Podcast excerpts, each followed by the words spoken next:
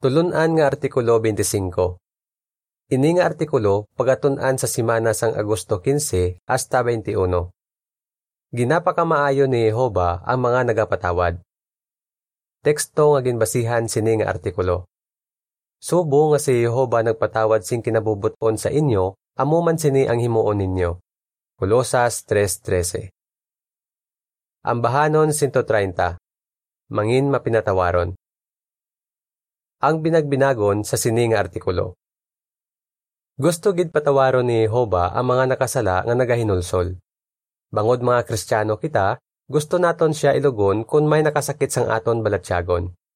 Sa sini nga artikulo, binagbinago naton kung ano nga mga sala ang pwede naton patawaron, kag kung ano nga mga sala ang dapat naton isugid sa mga gulang. Binagbinagon man naton kung nga gusto ni Jehova nga magpinatawaray kita kag kung ano nga mga pagpakamaayo ang mabato naton kung himuon naton ini.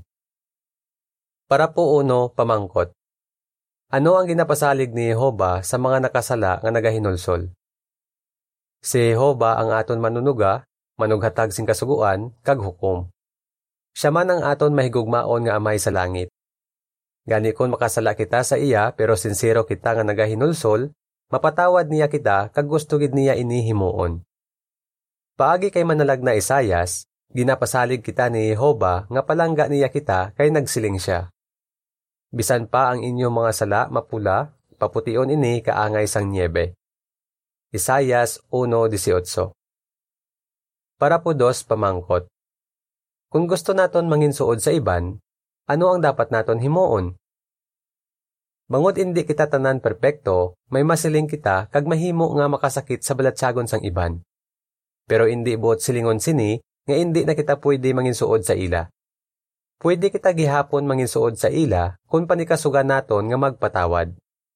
Kung nasakitan kita bangod sang gamay nga mga sala sang iban, gusto ni Jehova nga magpatawad kita.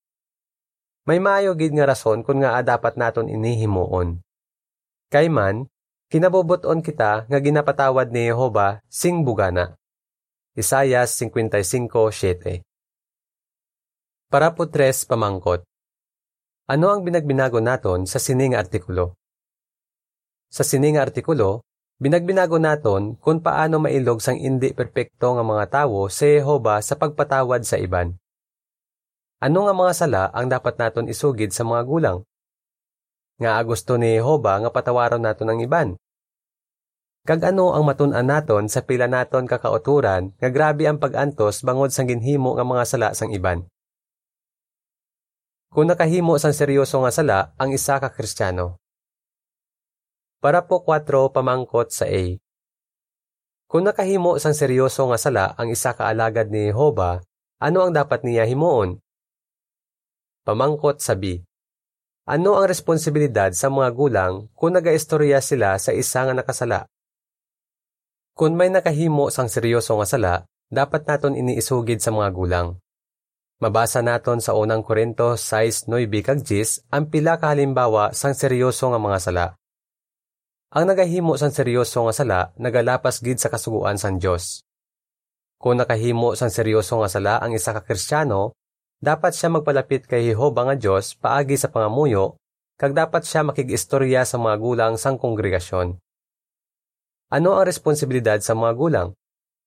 Patuod, Si Jehova lang ang may otoridad nga magpatawad sing bugos kag ginapatawad niya ang aton mga sala base sa halad gawad. Pero ginhatagan ni Jehova ang mga gulang sa responsibilidad nga gamiton ang kasulatan sa pagdesisyon kung bala dapat pa magpabilin sa kongregasyon ang isa nga nakasala o kung hindi. Para mahimo ini, ginatinguhaan nila nga mabalaan ang sabat sa masunod nga mga pamangkot. Hungod bala nga ginhimo sang isa ka utod ang sala? Ginplano bala niya ini? Gintinguhaan bala niya nga taguon ang iya sala? Padayon bala niya nga ginahimo ang seryoso nga sala sa malawig nga tion? Labaw sa tanan, may ebidensya bala nga nagahinulsol gid siya sa iya sala? May pamatuod bala nga ginpatawad na siya ni Jehova? Para po singko pamangkot. Ano ang maayo nga resulta sang ginahimo sa mga gulang? Kung nagaistorya ang mga gulang sa nakasala, Ginatingwaan nila nga makahimo sang desisyon nga pareho sa desisyon nga nahimo na ni Jehova sa langit. Paano makabenepisyo ang kongregasyon sa ginahimo sa mga gulang? Maamligan sini ang kongregasyon paagi sa pagsigurado nga masikway ang nakasala nga wala nagahinulsol nga posible maghalit sa hamili nga mga alagad ni Jehova. Posible nga mapaligon man sini nga maghinulsol ang nakasala para mapatawad siya ni Jehova. Nagapangamuyo ang mga gulang para sa nakasala nga nagahinulsol. Kag nagapangabay sila kay Jehova nga buligan siya nga manginsuod liwat sa iya. Para po size pamangkot. Kung na-disfellowship ang isa katawo, posible pa bala nga patawaron siya ni Jehova? Ipaathag. Ano abi kung wala nagahinulsol ang nakasala sang ginistorya siya sa mga gulang? I-disfellowship siya sa kongregasyon. Kung may nalapas siya nga kasuguan sang gobyerno, hindi siya pagamligan sa mga gulang kung silutan siya bangod sang iya sala. Ginatugutan ni Jehova ang mga gobyerno nga hukman kag silutan ang bisan sino nga nagalapas sang kasuguan kag wala ini nagadepende kung bala nagahinulsol siya o kung wala. Sa ulihi, kung marealisar niya nga sala ang iya ginhimo kag sincero siya nga maghinulsol kag maghimo sa mga pagbag-o, handa si Jehova sa pagpatawad sa iya. Patawaron siya ni Jehova bisan pa seryoso gid ang iya mga sala. Para po siyete pamangkot. Ano ang butsilingon kung ginapatawad naton ang nakasala sa aton? Nagapasalamat gid kita kay indi kita ang magadesisyon para patawaron ni Jehova ang isa nga nakasala. Pero may dapat man kita desisyonan. Ano ini?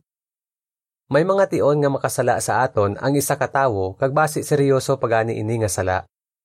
Posible nga magsuri siya sa aton kag magpangabay nga patawaron naton siya.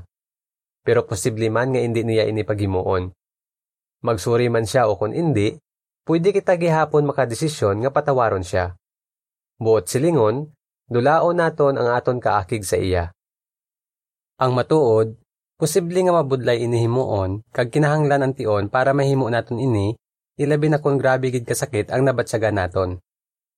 Ang September 15, 1994 nga ang lalantawan nagsiling.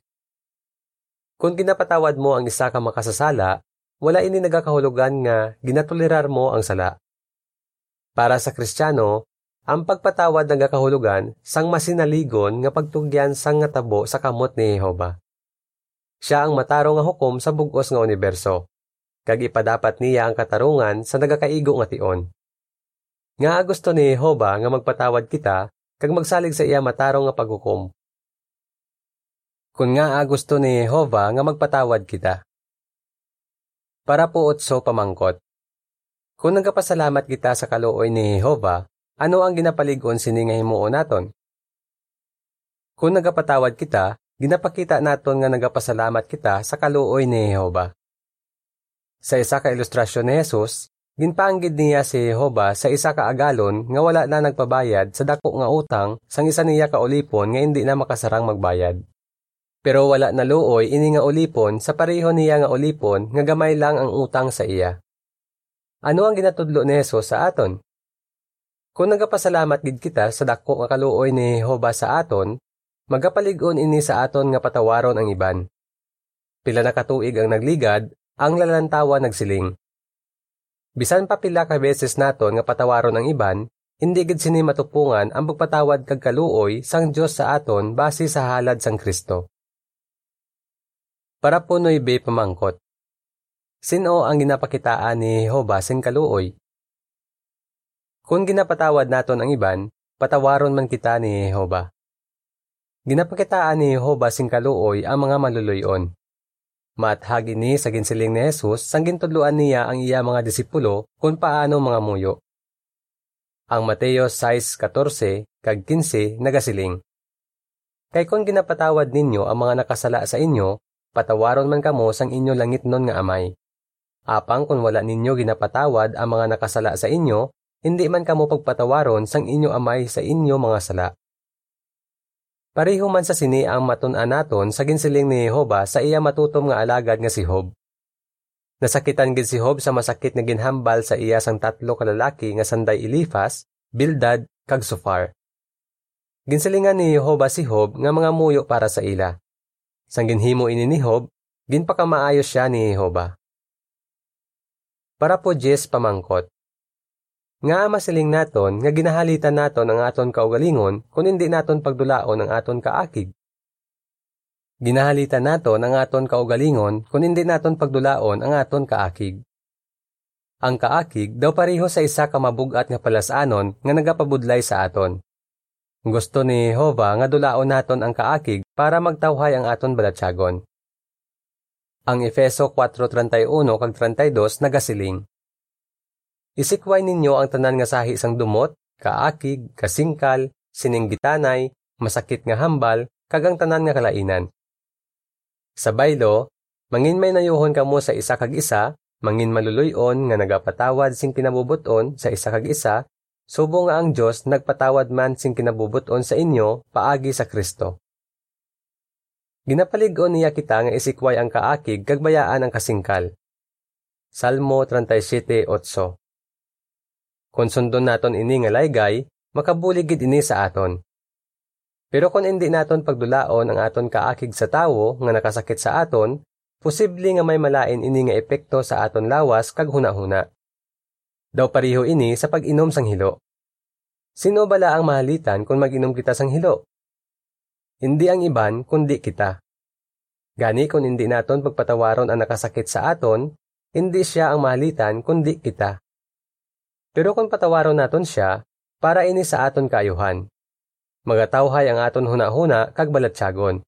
Kag makapadayon kita sa aton pag-alagad kay Jehova. Para po onse, pamangkot. Ano ang ginasiling sa Biblia parte sa pagtimalos? Si Jehova ang may kinamatarong sa pagtimalos. Wala kita ginatagan ni Jehova sang otoridad sa pagtimalos sa nakasala sa aton. Ang Roma 12:19 hasta 21 nagasiling. Hindi ka mo magtimalos mga hinigugma. Kundi pabayi nga ang Diyos ang magpakita sang iya kaakig kay nasulat na. Akon ang pagtimalos. Ako ang magabalos, siling ni Jehova. Apang kung ginagutom ang imo kaaway, pakana siya. Kung ginauhaw siya, hatagi siya sing mainom. Kaysa paghimo sini, mapahumok mo ang katigas ang iya tagipusoon, nga subong bala nagatumpi ka sing masingkal nga mga baga sa iya ulo. Hindi ka magpadaog sa malaot, kundi padayon nga dauga ang malaot paagi sa maayo. Bangod hindi kita perpekto kag wala naton nabalaan ang tanan nga impormasyon, hindi naton masarangan ang ginahimo san Dios nga husto permi ang paghukom. Kag kun kaisa, posible nga daw hindi kita kabalo kung ano ang dapat naton himuon, bangod na impluwensyahan kita sang aton emosyon. Gintoy to yan ni Jehova si Santiago nga magsulat. Ang kaakig san tawo wala nagaresulta sa paghimo sing matarong sa panulok san Dios. Santiago 1:20 Makasigurado kita nga himuon ni Jehova ang husto kag siguraduhon niya nga mapatuman ang hustisya sa ulihi. Para po 12 pamangkot. Paano naton mapakita nga nagasalig kita sa hostisya ni Jehova? Kung nagapatawad kita, ginapakita naton nga nagasalig kita sa hostisya ni Jehova. Kung ginatugyan naton kay Jehova ang atabo sa aton, ginapakita naton nga nagapatigid kita nga dulaon ni Jehova ang tanan nga malain nga epekto sang sala. Sa bag-o nga kalibutan nga iya ginpromisa, hindi na gid pagdumdumon o kon magpabilin sa tagipusoon ang masakit naton nga naeksperyensyahan. Isaiah 65:17 Pero kung grabe gid kasakit ang aton nabatsagan, posible pa bala nga madula naton ang aton kaakig sa tawo nga nakasakit sa aton kag mapatawad siya? Binagbinaga kung paano ini nahimo sang iban. Makita sa picture nga gingamit para sa parapo 12 ang teksto nga Isaiah 65:17 nga nagasiling. Ang nagligad nga mga butang hindi na pagdumdumon. Ang caption sa picture nagasiling. Dulaa ang imo kaakig kang magpatawad. Itugyan sa Dios ang atabo sa imo. Dulaon niya ang tanan nga malain nga epekto sang sala. Ang mga pagpakamaayo kung patawaron naton ang iban. Para po 13 kag 14 pamangkot. Parte sa pagpatawad, ano ang natunan mo sa eksperyensya ng Daytoni kag Jose? Madamo sa aton mga kauturan ang nagdesisyon nga magpatawad bisan pag grabe gid kasakit ang ilan na batsagan bangod sang ginhimo sang iban. Ano nga mga pagpakamaayo ang nabaton nila bangod nagpatawad sila? Binagbinaga ang eksperyensya ni Tony nga taga Pilipinas. Ginpatay ang isa niya ka magulang nga lalaki sang isa ka tawo nga si Jose. Madugay na ini nga natabo antes pa nang insaksi ni Jehova si Tony. Bayolente gid sadto si Tony kag gusto gid niya magtimalos kay Jose. Nadakpan si Jose kagin priso. Sang ulihi, Sang nakagwa na sa presuhan si Jose, desidido gid si Tony nga pangitaon siya kag patyon. Gani nagbakal siya sang armas. Pero nagsugod sa pag-Bible study si Tony sa mga saksi ni Jehovah. Nagsiling siya. Sa pag-Bible study ko, natun-an ko nga dapat ako maghimo sang mga pagbag-o sa akon pamatasan kag ginahimo. Kaglakip sa sini ang pagdula ko sang akon kaakig. Sang ulihi, Nabautismuhan si Tony kag nangin gulang siya sa kongregasyon. Nakibutkid siya sang nabalaan niya nga nangin bautismado man nga alagad ni Jehovah si Jose. Sang nagitanay sila nga duha, hugot sila nga naghaksanay kagin silingan ni Tony si Jose nga napatawad na niya siya. Nagsiling si Tony nga bangod gin patawad niya si Jose, nabatsagan niya ang dako nga kalipay nga indi niya malaragway. Ginpakamaayo gid ni Jehovah si Tony bangod handa siya magpatawad para po 15 kag 16 pamangkot. Parte sa pagpatawad, ano ang natunan mo sa eksperyensya ng Day Peter kag Sue?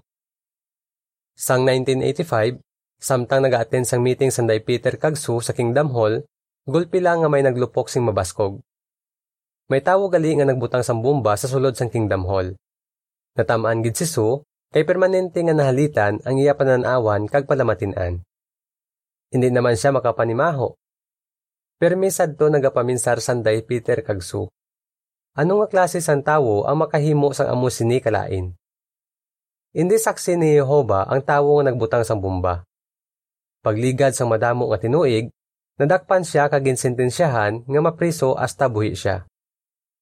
Sanggin pamangkot sanday Peter kagsu, kung napatawad na nila ini nga tawo, nagsiling sila.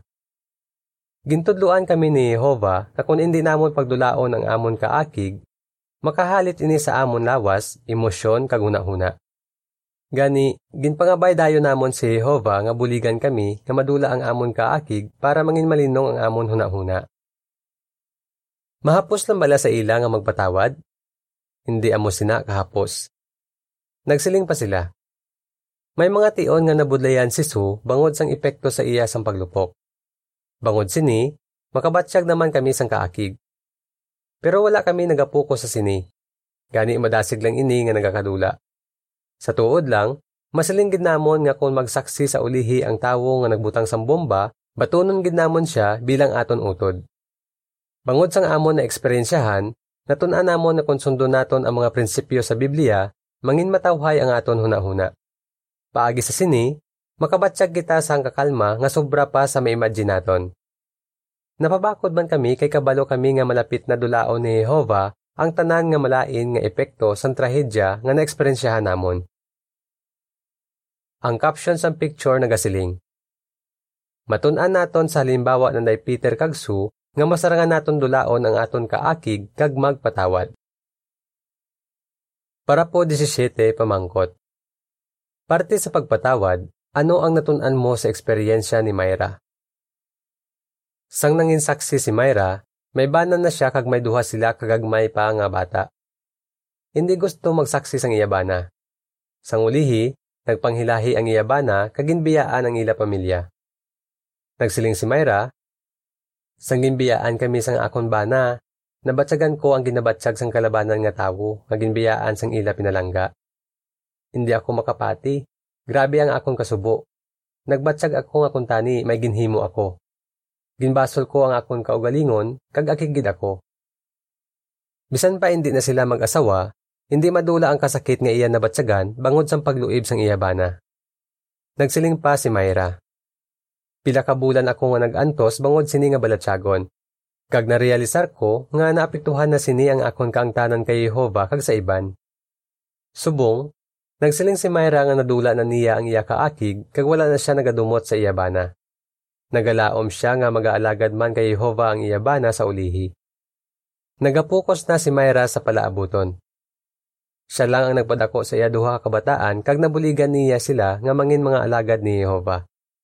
Subong, malipayon si Myra nga nagaalagad kay Jehova kaupod sang iya kabataan kag sang ila mga pamilya. Si Jehova ang pinakamaayo nga hukom. Para po 18 pamangkot. Bangod si Jehova ang supremo nga hukom, sa ano kita makasalig? Nagapasalamat kita kay hindi kita ang magadesisyon kung paano hukman ang mga tawo. Bangod si Jehova ang supremo nga hukom, siya ang magadesisyon. Makasaligid kita nga kung nagahukom siya, perme ini na base sa iya perpekto nga mga kasuguan parte sa husto kag sala. Hindi gid siya maghimo sang hindi matarong. Para po 19 pamangkot. Ano ang matabo kung ipatuman na ni Jehova simbugos ang hustisya? Bangod hindi perpekto ang mga tawo, kag bangod sang sala, madamo kita sa mga pag-antos nga naeksperyensyahan. Gusto na gid naton mag-abot ang tion nga dulaon na ni Jehova initanan. Sa sina nga tion, mag-aayo na ang tanan naton nga pilas sa pisikal kag sa balatyagon. Hindi na gid naton ini pagdumdumon. Samtang ginahulat naton ining dalayawon nga palaabuton, Nagapasalamat gid kita kay Jehova, bangod ginhatagan niya kita sang ikasarang nga ilugon siya sa pagpatawad. Parte sa pagpatawad, ano ang natun-an mo sa Mateo 6:14 kag 15? Efeso 4:31 kag 32. Roma 12:19 hasta 21. Ambahanon 18. Nagapasalamat bangod sa gawad. Diri natapos ang artikulo.